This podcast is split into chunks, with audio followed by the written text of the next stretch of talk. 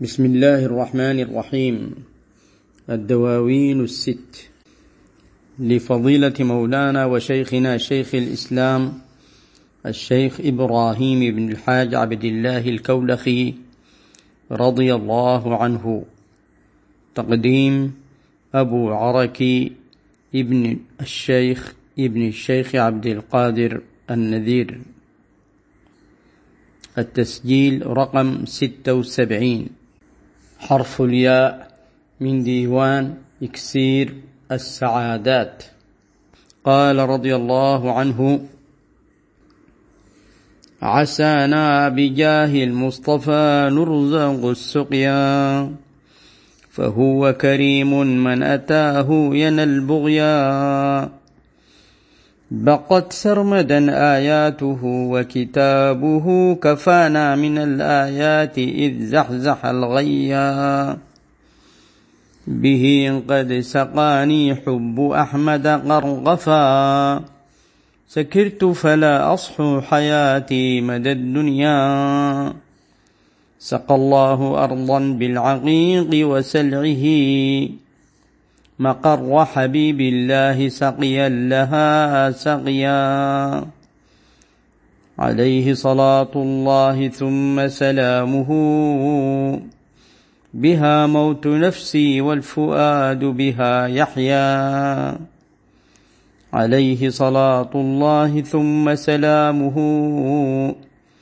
أكون بها حلو الممات كذا المحيا.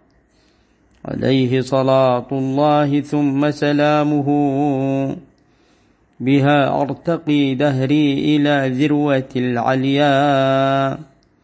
عليه صلاة الله ثم سلامه بها أبدا للعبد بالمصطفى اللقيا. عليه صلاة الله ثم سلامه تداركني فضلا لما فاتني سعيا. عليه مع الآل الكرام وصحبه. مدى كوننا بالمصطفى نرزق السقيا. صلى الله عليه وعلى آله وصحبه وسلم حق قدره ومقداره العظيم. أقول مستعينا بالله سبحانه وتعالى ومستمدا من أبوابه. يقول الشيخ رضي الله عنه عسانا بجاه المصطفى نرزق السقيا. يرجو الله عز وجل ويدعوه متوسلا بجاه سيدنا المصطفى صلى الله عليه وعلى آله وصحبه وسلم أن يرزقوا السقيا سواء كانت سقيا حسية أو سقيا معنوية. وعلل ذلك بقوله فهو كريم من أتاه ينى البغيا. فالله عز وجل كريم. ويمكن كذلك أن نقول فالرسول صلى الله عليه وعلى آله وصحبه وسلم كريم من أتاه ينل ويحصل البغية التي يطلبها.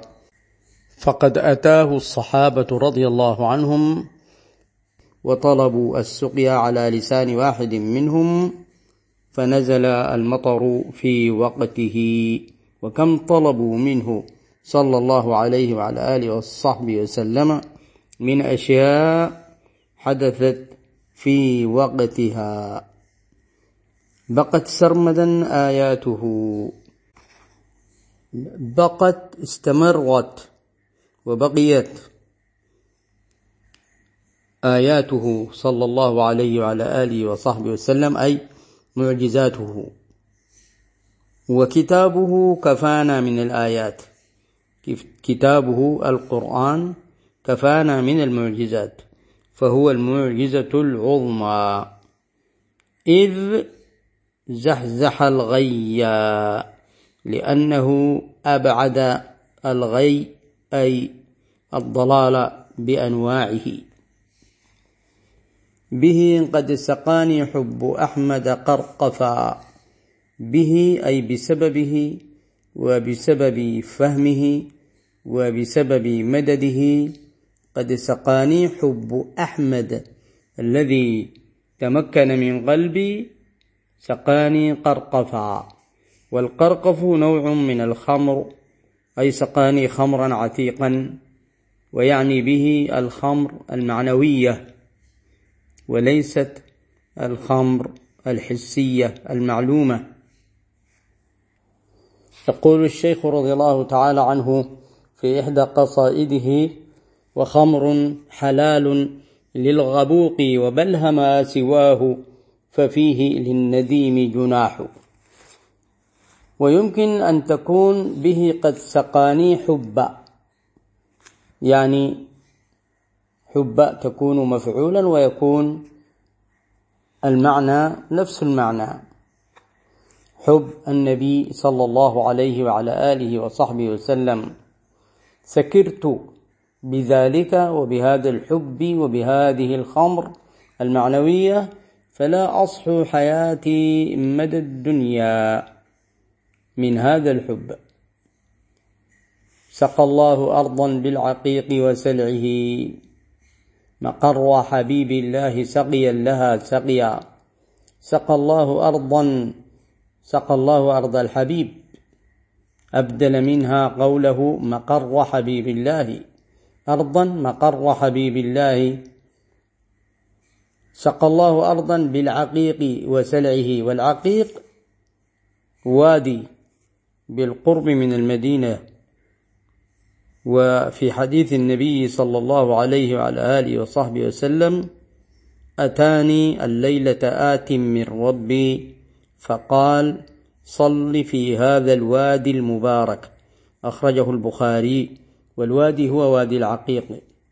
وسلعه سلع أي الجبل من جبال المدينة المعلوم المعروف.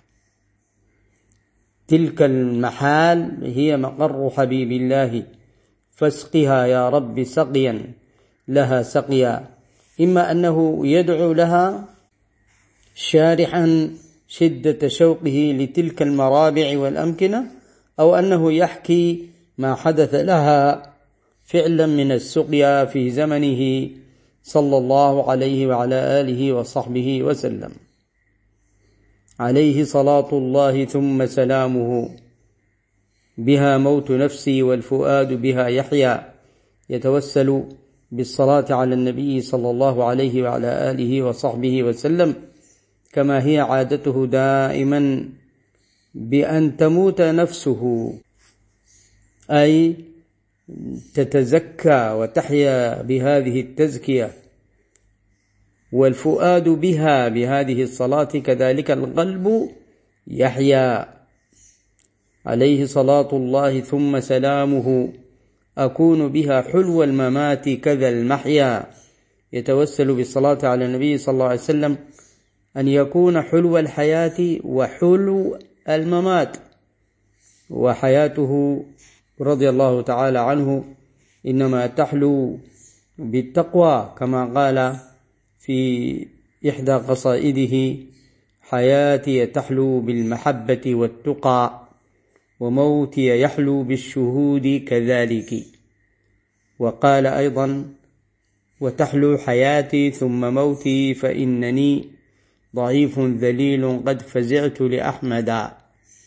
وكذلك قال رضي الله عنه وتحلو حياتي ما حييت وبعدها سيحلو مماتي لا أرى بعده فتن.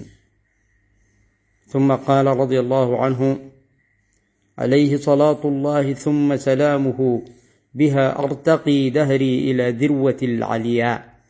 يتوسل بالصلاة على النبي صلى الله عليه وعلى آله وصحبه وسلم أن يرتقي إلى ذروة العلياء أي إلى أعلى مكان في العلا والرقي في المعارف والتقوى. عليه صلاة الله ثم سلامه بها أبدا للعبد بالمصطفى اللقيا.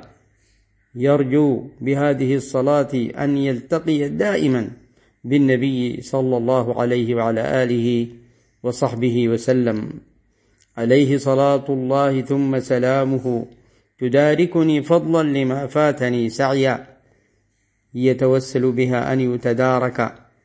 لكل ما فاته من السعي نحو العلا والرقي. عليه مع الآل الكرام وصحبه. مدى كوننا بالمصطفى نرزق السقيا. صلى الله عليه وعلى آله وصحبه وسلم. حق قدره ومقداره العظيم.